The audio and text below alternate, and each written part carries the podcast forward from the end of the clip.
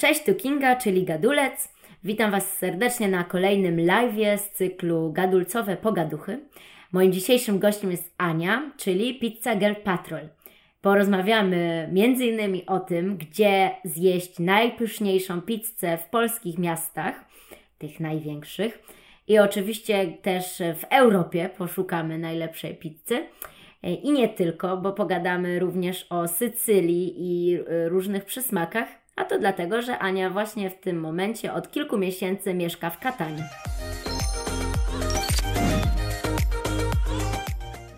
E, powiedz, kochana, czy pierwsza była Twoja miłość do Włoch, czy do pizzy? Mm, znaczy, wydaje mi się, że to, to jakoś tak równo, równocześnie się rozwijało, ponieważ e, no, taką mm, pierwszym typem pizzy, z jakim miałam styczność w Polsce, to była pizza Hut. Więc nie wiem, na ile to miało coś wspólnego z Włochami. E, no ale faktycznie ta pizza już od najmłodszych lat była mi bardzo bliska. Ja pochodzę ze Świnoujścia, czyli z z takiego małego miasteczka, i u nas nie było pizzy Hut niestety, mm, ale moja mama pochodzi z Trójmiasta i często jak e, wracaliśmy, jak e, jeździliśmy tam odwiedzić rodzinę w Trójmieście, to moja ciocia, żeby zrobić mi taki prezent i przyjemność, zabierała mnie e, do pizzy Hut właśnie. Więc już nawet wtedy, jak byłam mała, jakby mm, była gdzieś tam świadomość tego, że ta pizza jest dla mnie czymś takim szczególnym, takim po prostu jakimś takim radosnym, czymś bardzo radosnym. A później tak naprawdę z biegiem czasu to ja, ja też mam rodzinę we Włoszech, na północy, w Aoście. E, tak, i właściwie zawsze jak przyjeżdżali do nas e, w odwiedziny, parę razy, może zwykle dobra, raz do roku. E, mam też właśnie dwie kuzynki, jedna jest 11 lat starsza, druga młodsza i zawsze słyszałam, jak oni rozmawiali po włosku, mi to strasznie zaczęło fascynować, ten język jest taki melodyjny, taki piękny. No i gdzieś tam już od najmłodszych lat moja kuzynka uczyła mnie jakieś to, nie wiem, uczyła mnie jak się liczy, tam do 20 czy do 100. Oczywiście przekleństw, no bo jakby inaczej. E, więc gdzieś tam ten włoski, no był mi od zawsze bliski.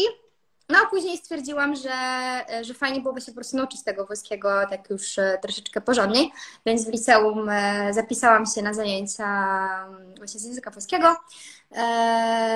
No więc, no i też jeździłam do Włoch, ponieważ moi rodzice bardzo też kochają Włochy, więc to pewnie też jest przez nich. E, oni właściwie co roku, czy tam co dwa lata jeżdżą do Toskanii, więc oni, oni też byli na Sycylii, też zwiedzili tak naprawdę całe Włochy więc e, gdzieś tam te Włochy zawsze były po prostu obok mnie. Tak, no a później, a później, e, później jak to było? No później też przyjechałam tutaj na studia, na pół roku wybrałam sobie Florencję. Tak. E, tak, więc byłam pół roku we Florencji. No i no tak, ale to już był taki moment kulminacyjny, bo już wtedy założyłam ten Instagram i już wtedy szukałam tej pysznej pizzy. E, no jakoś tak to wszystko wyszło dość naturalnie, no po prostu ta pizza była zawsze dla mnie takim bardzo ważnym e, daniem i czymś takim więcej, takim em, czymś emocjonalnym, tak? I tak samo myślę, że każdy ma taki e, bardziej, e, bardziej szczególny związek z, z pizzą niż, nie wiem, z hamburgerami czy z czymś innym.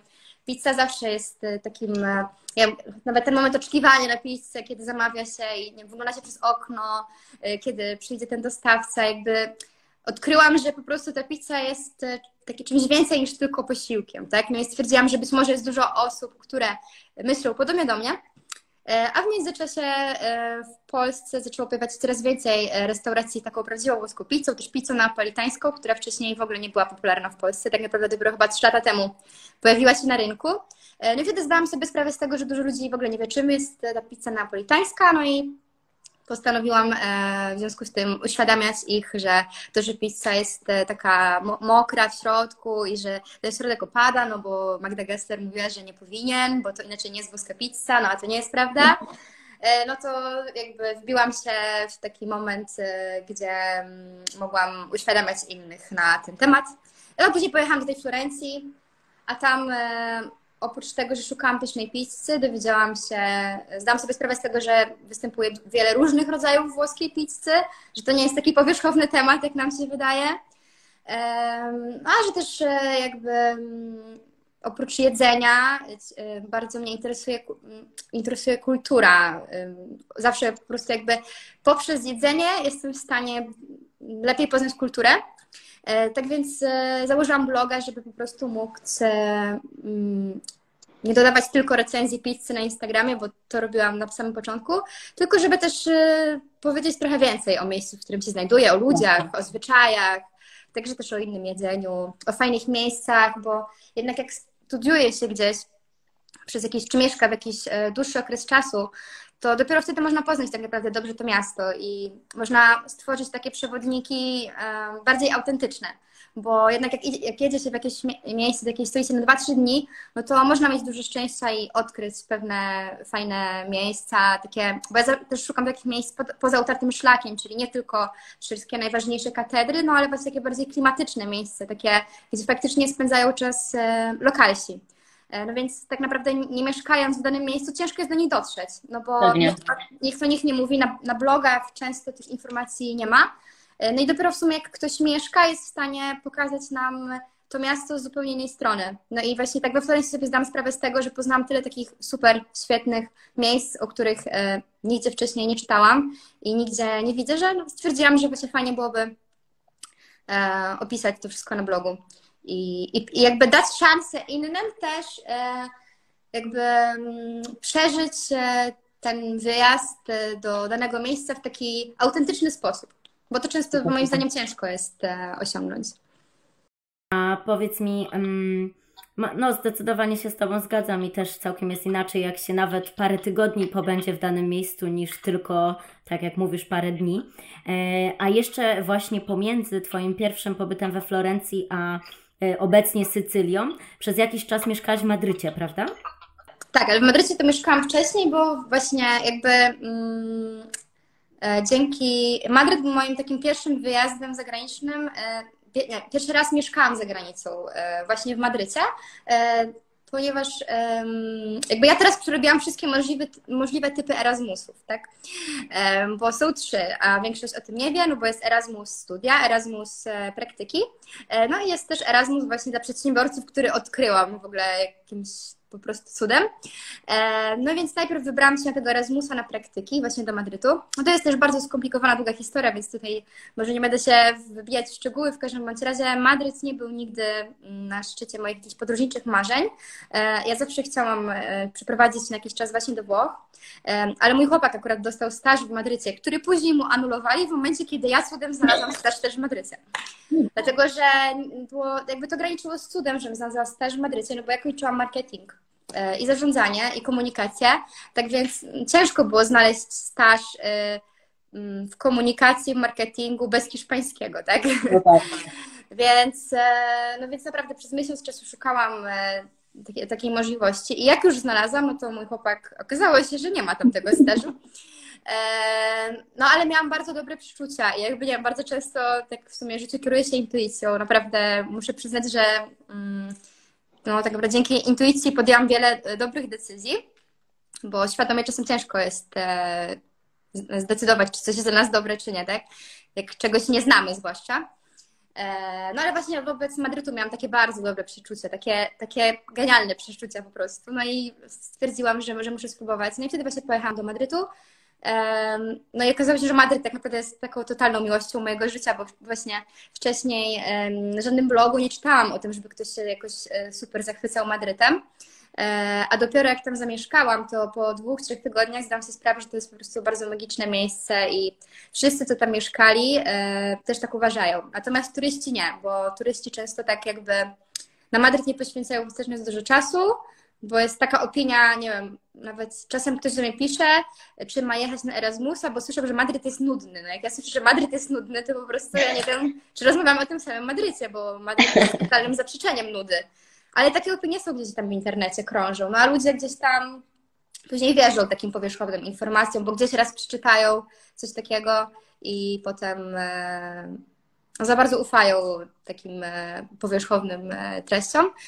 E, no ale Madryt był cudownym dla mnie takim czasem, no i to był taki pierwszy moment, kiedy faktycznie zamieszkałam za granicą i musiałam e, nauczyć się takiej samodzielności, zaradności. E, po raz pierwszy musiałam cały czas rozmawiać w obcym języku, no w tym przypadku w angielskim, no to było takie ciężkie, kiedy mm, po prostu czy w pracy musisz mówić po angielsku, wracasz do domu, dalej musisz mówić po angielsku, chcesz coś załatwić, musisz mówić po angielsku, więc to było takie na początku trudne doświadczenie, bo mimo, że miałam dobry poziom języka angielskiego, to dopiero e, takie życie za granicą go weryfikuje w momencie, kiedy musisz e, po prostu na każdy temat się dogadać, tak? Ale w sumie no. później po jakimś czasie już jest łatwiej. Jasne, a jeśli chodzi właśnie o język hiszpański, to też się tam podszkoliłeś w Madrycie, czy... Niestety Niestety nie, nie, mm, nie dlatego, że właśnie ta, ta, decyzja, że jadę do Madrytu była bardzo spontaniczna ostatecznie, bo ja już zrezygnowałam z tego Madrytu, e, kiedy dowiedziałam się, że mój chłopak tam nie pojedzie. Natomiast potem stwierdziłam, że, że to jest taka szansa, że szkoda jest ją odpuszczać. E, no i ja podjęłam tę decyzję z trzy tygodnie przed wyjazdem. Wtedy już nie miałam czasu zacząć jakby no jednak e, jeśli chce się poprawić jakiś język, czy tam wejść na jakikolwiek wyższy poziom, to trzeba mieć jakiekolwiek podstawy. Bo bez, bez żadnych podstaw no możesz coś tam się osłuchać, nauczysz się dzień dobry, dziękuję, do widzenia, ale no nie poprawisz tego jakby w żaden sposób, tak. zwłaszcza przez dwa miesiące, no bo nie masz ku temu żadnych podstaw. Tak więc niestety no nauczyłam się właśnie takich paru słówek e, mieszkając w tej Hiszpanii, ale że też przebywam głównie w towarzystwie międzynarodowym, e, to też e, nie miałam bardzo, za bardzo możliwości. W przyszłości chciałabym się nauczyć hiszpańskiego bardzo. Nawet po, później po powrocie uczyłam się chwilę hiszpańskiego, no ale teraz postanowiłam ten włoski, jakby na nim się skupić, i, ale na pewno w przyszłości będę chciała. Ty mówisz po hiszpańsku? Tak, un poco. no tak. Ale uczyłaś się też przed podróżami, czy... Wiesz co, przez chwilę uczyłam się na studiach e, pół roku, ale głównie w tej Gwatemali, jak byliśmy tam właśnie na takim kilkutygodniowym kursie, to była rewelacja, bo to był taki intensywny kurs e, indywidualny. E, no i ogólnie cała podróż półroczna po Ameryce Centralnej, no to dużo nam dała i też przez chwilę mieszkaliśmy na Teneryfie, tylko tam znowu y, z Włochami, więc y, bardziej się przekleństw włoskich nauczyliśmy niż tego hiszpańskiego. No.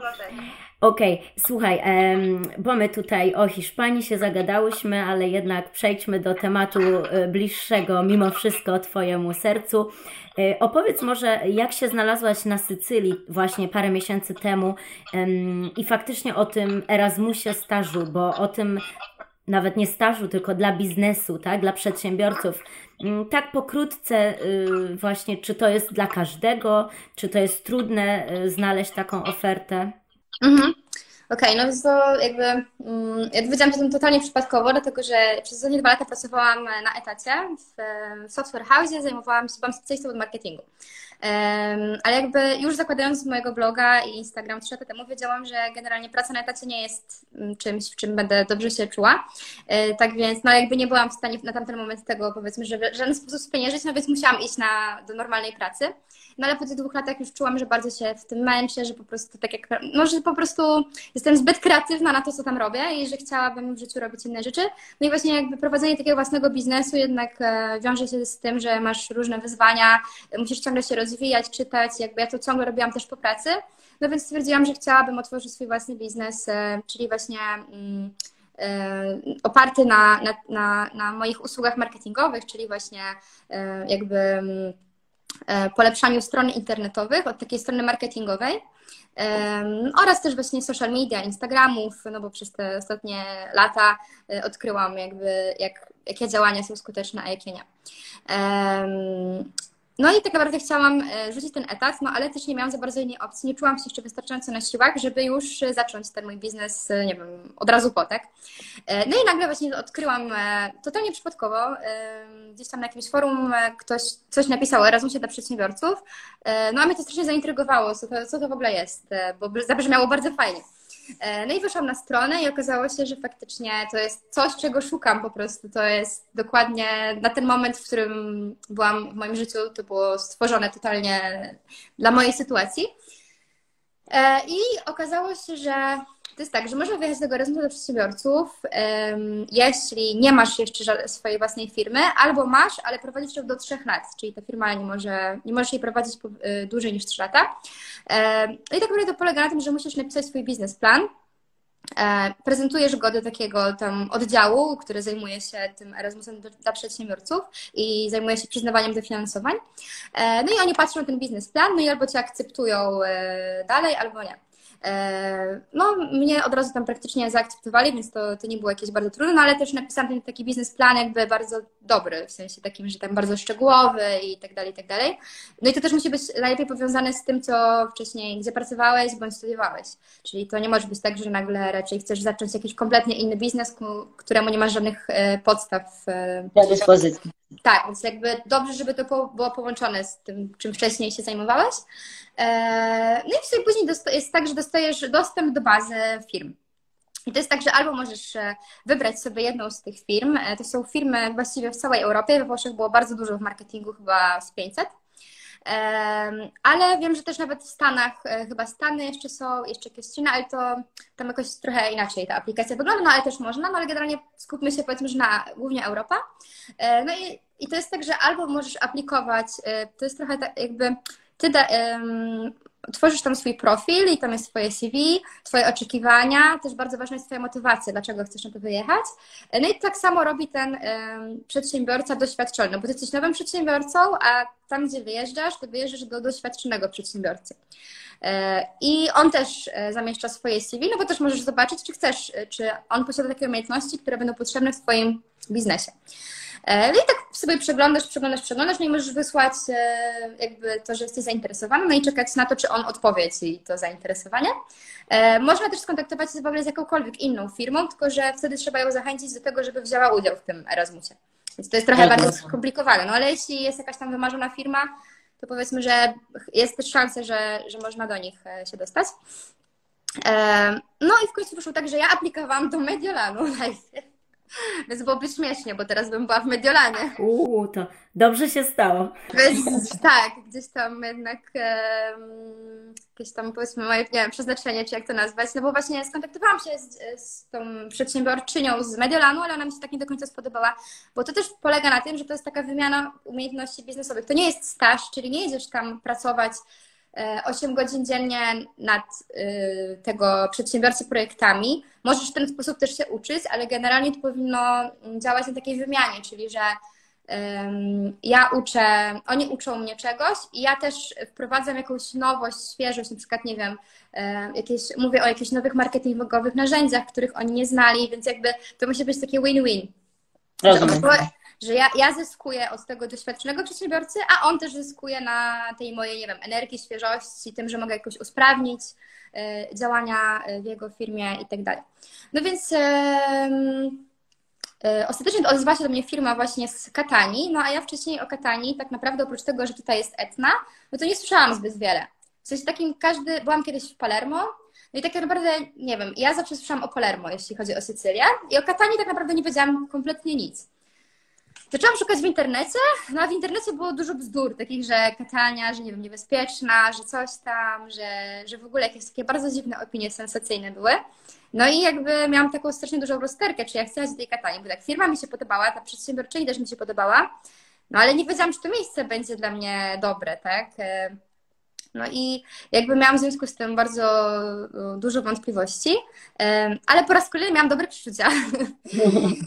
I postanowiłam jakoś tak temu, nie wiem, jakoś jak już podjęłam decyzję, to w ogóle o tym nie myślałam, więc jakby poczułam taką dużą ulgę, więc wiedziałam, że znowu tak jak było w Madrycie wcześniej, że to jest chyba dobra decyzja.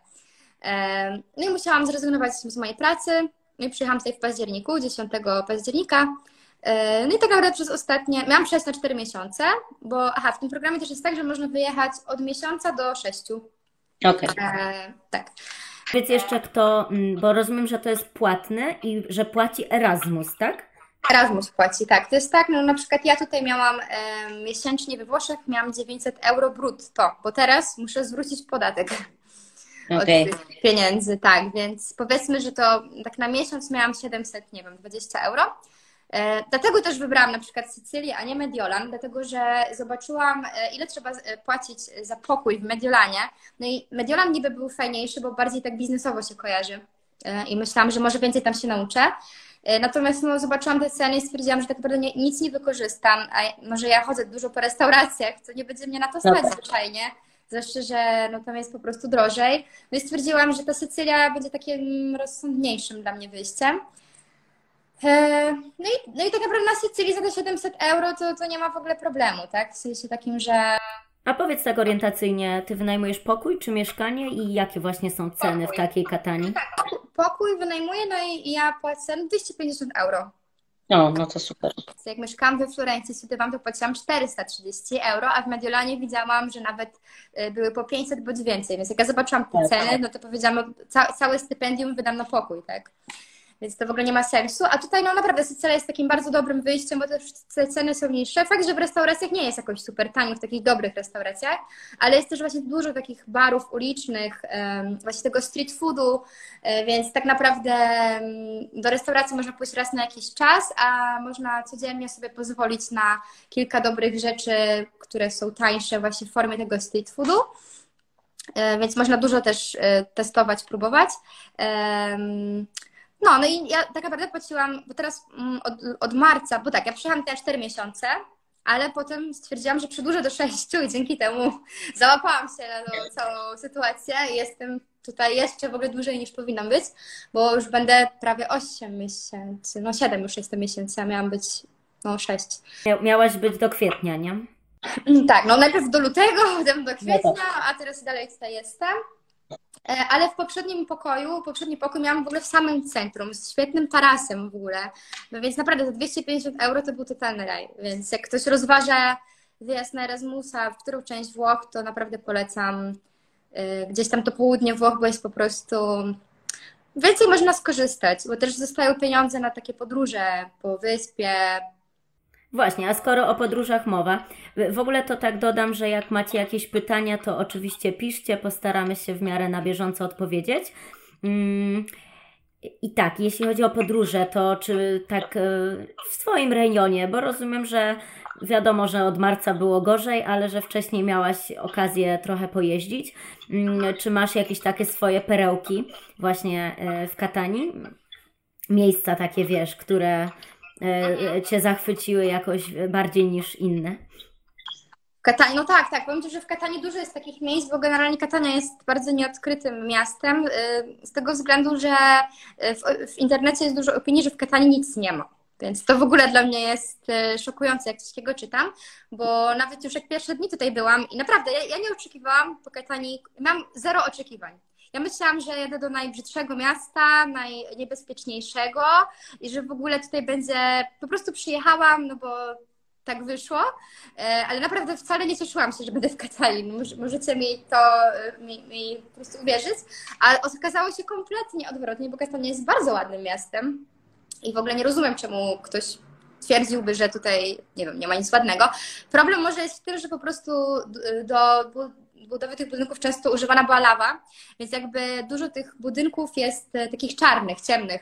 I może przez to, to dla kogoś wydaje się być brzydkie, bo tak jest takie ponure, bo na przykład jak już pojedziemy do jakiegoś innego miasteczka i ogólnie we Włoszech, e, no to jest ten kamień taki jasny, miodowy, taki bardzo no, taki mm, przytulny bardziej, tak? A taka jest tak, tak. że bardziej surowa.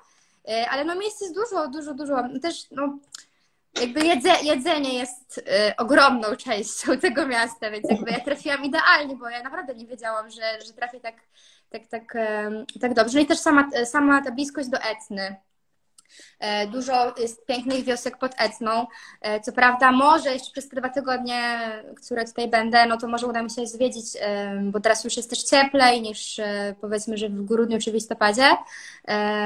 Więc te rejony są bardzo ciekawe i, i też tam dużo ludzi nie, nie wie o tym, że tam jest tak interesująco. No a w samej Katanii jest, jest dużo takich miejsc, są właśnie ładne widoki na Etnę na przykład. Też na przykład miejsc, y, jakby dzielnica, w której ja teraz mieszkam, no to, y, to jest taka nadmorska dzielnica i na przykład ja na żadnym blogu o niej nigdzie nie słyszałam, a ona jest bardzo fajna, bo tutaj mieszkają głównie właśnie Sycylijczycy. I, a jak się nazywa? Wiesz co, to jest Onina, ogólnie niedaleko Corso, takiej ulicy bardziej luksusowej, może powiedzieć Corso Italia. No i po prostu mhm. tutaj mieszkają typowo Włosi, tutaj nie ma żadnych właściwie turystów, teraz też w ogóle, w ogóle nie ma turystów, tak, ale Widzę takie porównanie, bo wcześniej mieszkałam w samym centrum i to było super, bo widywałam się też często z Erasmusami i tak dalej. Ale tutaj jest tak bardziej lokalnie, e, dużo e, więcej jest e, dobrych restauracji, czy właśnie piekarni, bo po prostu tutaj żyją Sycylijczycy i Dobra, to powiedz tak, ktoś planuje sobie parę dni właśnie, żeby tam przylecieć, e, czy tydzień, to jakie są trzy miejsca w okolicy całej, które musi odwiedzić koniecznie? Na pewno wyjść na Etnę. Mhm. E, dlatego, że ja też, e, jak tutaj przyjechałam, to bardzo się bałam Etny, e, bo dla mnie to było takie dziwne mieszkać obok wulkanu, tak? E, dla nas to jest pewna egzotyka, e, zwłaszcza, że ten wulkan jest czynny, a natomiast e, mieszkańcy Katani kochają Etnę, w ogóle są jej wielkimi fanami, nazywają ją swoją mamą. Więc jakby ja przez pierwsze miesiące w ogóle nie mogłam zrozumieć, bo byłam przerażona, a oni jakby ciągle mi opowiadali o tej ich wielkiej miłości do, do tego wulkanu. E, Więc na pewno wyjść na Etnę, no na pewno pójść e, na e, właśnie na tą promenadę niedaleko e, Corso Italia, ponieważ e, z niej też e, rozpościera się przepiękny widok na Etnę. No nie ma co ukrywać, że ta Etna jest generalnie e, wielką atrakcją. E, No a tak poza tym to, aha, no dobra, to Wermut, to jest takie moje ulubione miejsce. Mm, Może jutro tam się przejdę, bo od jutra otwierają bary i restauracje, jeszcze nie wiem na jakich zasadach.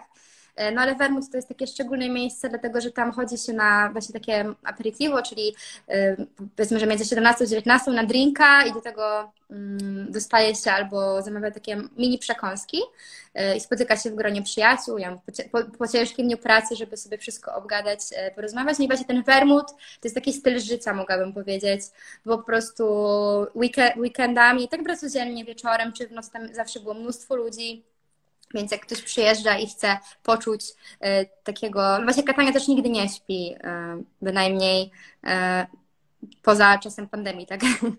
Bo to był jedyny czas przez te ostatnie dwa miesiące, kiedy byłam w szoku w ogóle, że jest tak cicho, bo przez poprzednie miesiące to po prostu ciągle trąbienie aut, te wszystkie skutery, no jacyś tam rozmawiający Włosi, bo tutaj też Włosi z południa mówią e, jakby prawie, że krzyczą, ale tak naprawdę rozmawiają.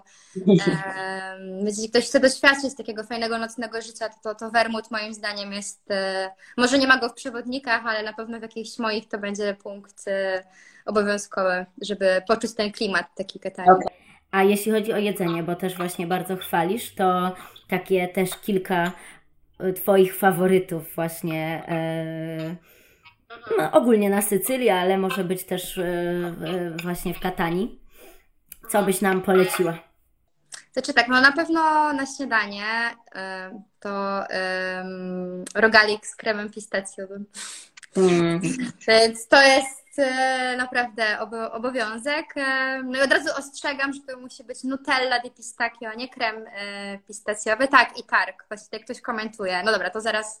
E, Tak, ta, na targi obowiązkowo, jak mogłam zapomnieć. e, Jakby na tych targach e, są dwa tar- targi. Właśnie jeden jest typowo z rybami, a drugi, na którym jest wszystko. No to tak naprawdę, jeśli chce poczuć klimat Sycylii i w ogóle Katanii, to trzeba tam pójść, ponieważ to nie jest tylko miejsce, w którym robi się zakupy, tylko to jest też styl życia. Tam się idzie, tam się rozmawia, no trzeba tak naprawdę przeżyć i poobserwować. Tak, no chodzi o jedzenie, to właśnie ten z kremem pistacjowym rogalik, E, a oprócz tego no to e, Cipollina to jest, kurczę, no tego jest milion tutaj, więc jakby teraz ciężko będzie mi wybrać, ale no na pewno też Cipollina to jest typowo taka przekąska słona w katani i w środku jest właśnie cebula, mozzarella i szynka. I to właśnie Mm. można zjeść na śniadanie albo po prostu, nie wiem, e, w trakcie dnia to można sobie wziąć do ręki. E, No na pewno arancino, tak, dlatego że arancino to jest em, smażona ryżowa kulka, arancino al ragu właśnie z takim sosem mięsnym. Em, No pizze tutaj też są dobre. E, Na pewno ciekawym, ciekawą potrawą jest taka skaczata. Mm, Oni jedzą skaczatę na Wigilię. E, Dlatego Mhm. dla mnie to było bardzo miłe zaskoczenie, że je się taką ukrytą pizzę na Wigilię. W ogóle po prostu. A co to jest dokładnie? E, Wiesz co, to też jest e, jakby, mm, to też jest taka jakby pizza kryta, ale przygotowywana no, z takiej szczególnej mąki e, i w środku najczęściej jest ser tuma, to jest taki typowo sycylijski E, i tak naprawdę no, na przykład w trakcie zimy to są brokuły bądź e, kalafior, nie, bądź bro, nie, brokuły, e, ale występuje też w wielu różnych innych kombinacjach. Tak naprawdę e, w zależności od e, miejsca, ja na przykład zamówiłam sobie skaczetę pistacjową, tak? Dlatego, że ogólnie polecam tutaj wszystko, co jest pistacjowe, dlatego, że po prostu przez to, że tutaj jest takie miasteczko właśnie niedaleko Etny, Bronte i tam rosną najlepsze pistacje na świecie. O. I, I jakby czytałam wiele różnych artykułów, no bo ja nie mam takiego porównania z pistacjami z innych krajów, e, tylko z Polski. I faktycznie te, te pistacje są, e, no, smakują kompletnie inaczej.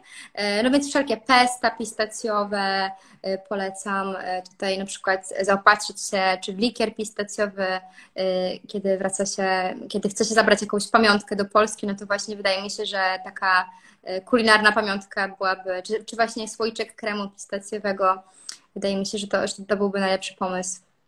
Ale no tak tak naprawdę no, jeśli chodzi o jedzenie tutaj, to mm, czy na słono, czy na słodko, e, to tych wszystkich rzeczy jest po prostu strasznie, strasznie, strasznie dużo. Na pewno teraz, jak, jak jest ciepło, no to na śniadanie oni e, jedzą granitę, e, z brioche. To jest taka no, słodka bułka, można by powiedzieć. A ta granita to jest taki deser właśnie no, który przypomina lody, ale nie do końca. I też właśnie pistacjowy bądź migdałowy, dlatego że te pistacje i migdały to są takie e, smaki typowo sycylijskie, dlatego że e, to są po prostu produkty regionalne, więc tak naprawdę wszelkie różne inne dania czy desery są na bazie tych pistacji, migdałów czy też ricotty, więc... E, Super. To mam nadzieję, że jeszcze przez najbliższe tygodnie bo jeszcze chwilkę tam, e, tak jak rozmawiałyśmy przed live'em, zostaniesz, ale póki się sytuacja, no, nie, nie, nie wróci jako tako. Ale powiedz mi, mm, mówisz, że jutro otwierają e, właśnie już restauracje i tak dalej. Jak właśnie wygląda w tym momencie mm, sytuacja na Sycylii? Bo z tego co wiem, to we Włoszech mm, regiony też mogą podejmować różne decyzje, czyli u Was już jest tak w miarę, w miarę okej. Okay że na Sycylii w ogóle nie było takiego momentu, w którym byłoby bardzo źle. E, w tym najgorszym momencie to przybywało 100 nowych, 100 nowych chorych e, dziennie e, w tym takim szczycie we Włoszech. No to tak naprawdę to było bardzo mało w porównaniu do Mediolanu czy no tak, do Mediolanu. Natomiast teraz, jak patrzę, na przykład 8 nowych przypadków dziennie na cały region no to to nie jest dużo. Tak naprawdę Jasne. dużo więcej osób y, zdrowieje, jakby te statystyki kompletnie się odwróciły w tym momencie, więc tutaj y, no już czuć e, tą atmosferę, widać, że ludzie też już jednak po tych ponad dwóch miesiącach no chcą wyjść po prostu na, na zewnątrz, znaczy też jest gorąco strasznie i też ciężko jest, z tymi maseczkami też ciężko jest tutaj funkcjonować, no bo jednak jak jest 30 stopni i z maseczką mhm. w rękawiczkach, jest to dość problematyczne. Jestem ciekawa, jak, e, przez, jak w tym podczas tego tygodnia, kiedy już te temperatury są wysokie, jak to będzie wyglądało, czy, bo, bo większość nosi maseczki. A jest tak samo jak u nas, czyli że wszyscy muszą nosić maseczki, jak wychodzą z domu? Czy... Nie ma, e, nie ma ale, ale myślę, że tak 95 czy 6% nosi i często jeśli chce się wejść do jakiegoś sklepu, e, to jest e, informacja, że bez maseczki no, nie wpuszczają, tak? Więc ale generalnie no, zdecydowana większość nosi te maseczki. Nawet w parkach, czy jakby na przestrzeni, no w przestrzeni jakby takiej publicznej na zewnątrz te, też. Noszą. No muszę przyznać, że naprawdę jestem zaskoczona, ale wszyscy, mimo że nie ma takiego nakazu, to 3 czwarte osób, jakie spotykam, nosi, ma maseczki. U nas w Polsce to już jest tak, przynajmniej z mojej obserwacji, że w parkach, lasach, no w lasach nie trzeba, ale yy, już jest, już mają dość ludzie, nie? No i dziś byliśmy na spacerze, to 80% nie miało. Tak, tak, a niby to, to, nie, to nie był las, nie? Tylko w parku. No widać totalnie już rozluźnienie. Zresztą mamy tutaj park pod nosem, to jest tak samo, że ludzie, wiesz, albo noszą te maski na brodzie, ale no duża jest na ten temat dyskusja, na zasadzie, że jaki to ma sens, wiesz, w, w przestrzeni publicznej. Ale zostawmy ten temat, bo to, e, no tak. to jak poli tak, ale to wiesz też jak polityka, że łatwo się pokłócić teraz. Po prostu koronawirus to wiesz, jak normalnie y, właśnie o partii politycznej albo o wiesz, jakiś temat jak aborcja albo inne takie, wiesz, homoseksualizm, nie? Różne takie trudne, y, trudne tematy, to teraz też wiesz, pandemia, nie? Bo, bo ludzie są podzieleni i mają, wiesz, od skrajności w skrajność. Czy z tego, co tutaj mogę, tak z tego, co zauważyłam, to raczej wszyscy tutaj myślą podobnie, bynajmniej z tego, co widzę, czyli na przykład jakby wszyscy noszą te maseczki generalnie i jakby nie ma na ten temat jakichś takich wielkich spekulacji y, czy powątpiewania w to, po prostu, nie wiem, jakby wszyscy myślą w ten sposób, że to wydaje mi się, że każdy siebie chroni w ten sposób wzajemnie. Y, no i nie, nie ma takich osób jakichś powiedzmy, że zbuntowanych czy coś. E, okej, okay, faktycznie różnie noszą te maski na brodzie czy coś, tak. To też y, jest powszechny widok, ale ale raczej. Mm, Starają się.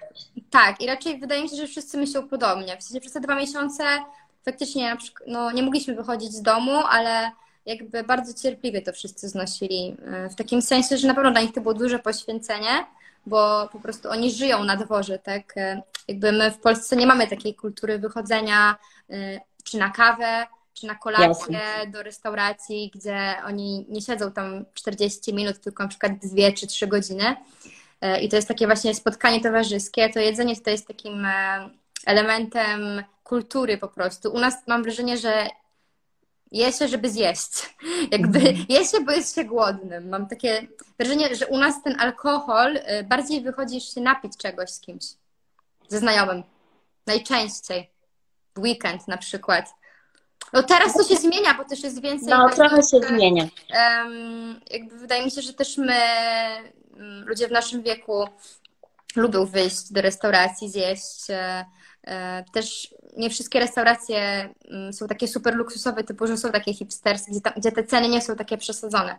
Typu, że tam za dwie, trzy dychy można nawet z napojem coś dobrego zjeść, więc powiedzmy, że my częściej już wychodzimy, ale wydaje mi się, że mimo wszystko tutaj na przykład e, prawie nigdy nie wychodzi się na piwo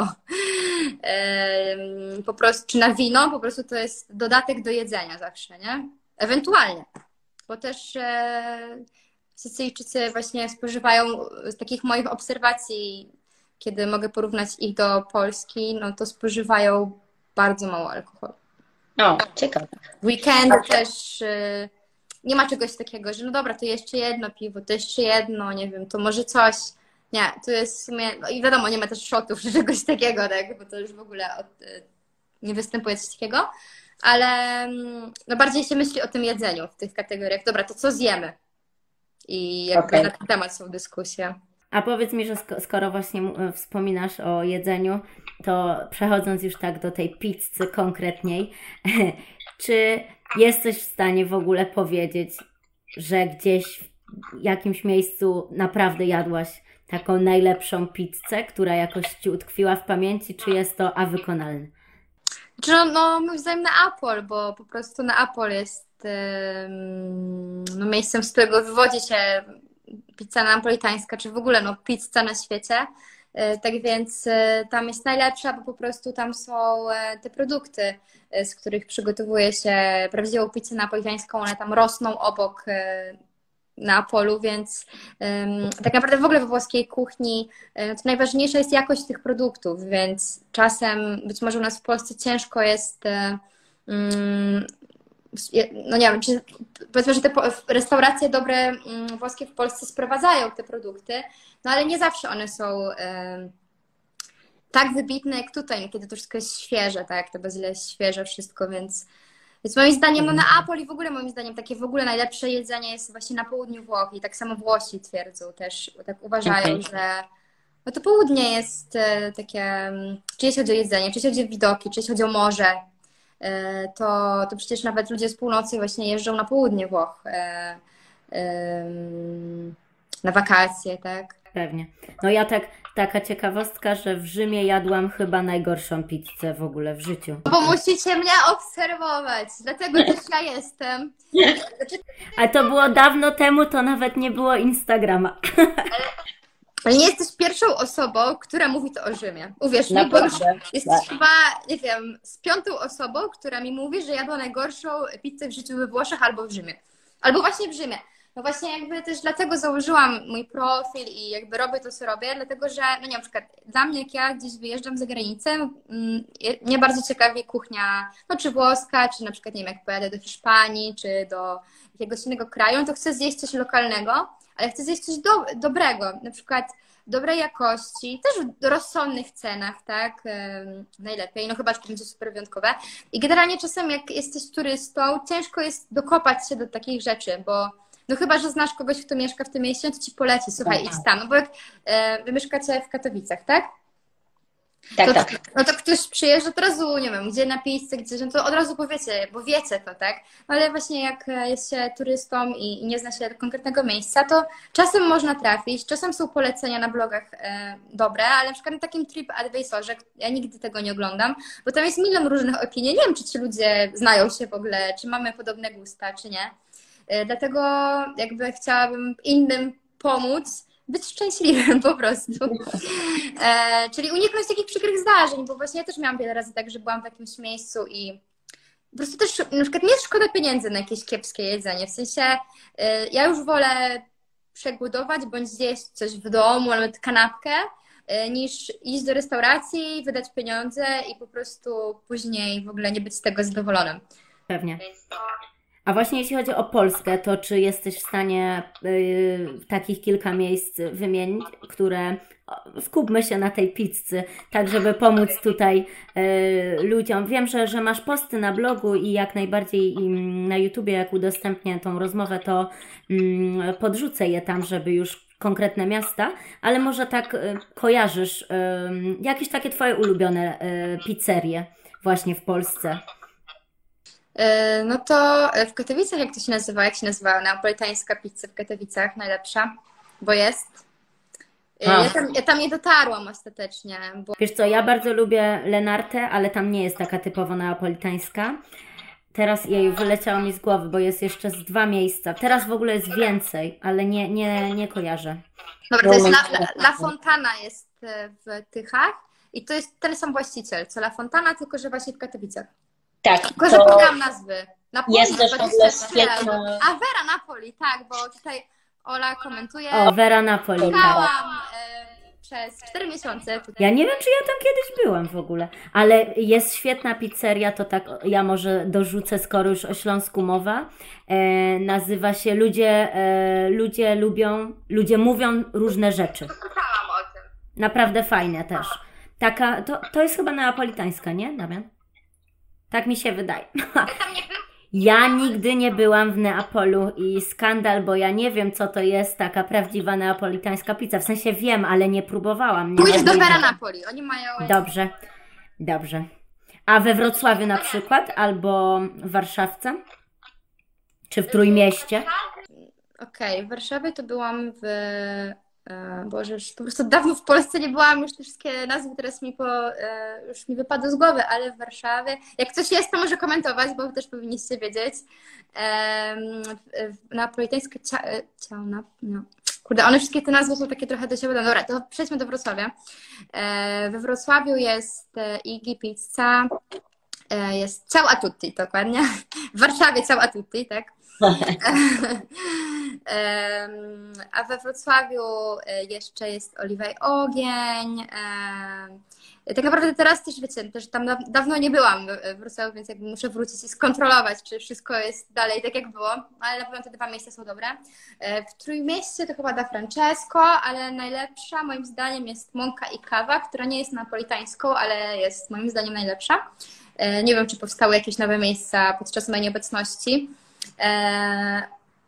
Gdzie jeszcze byś chciała? W Poznaniu jest e, Forni Rossi.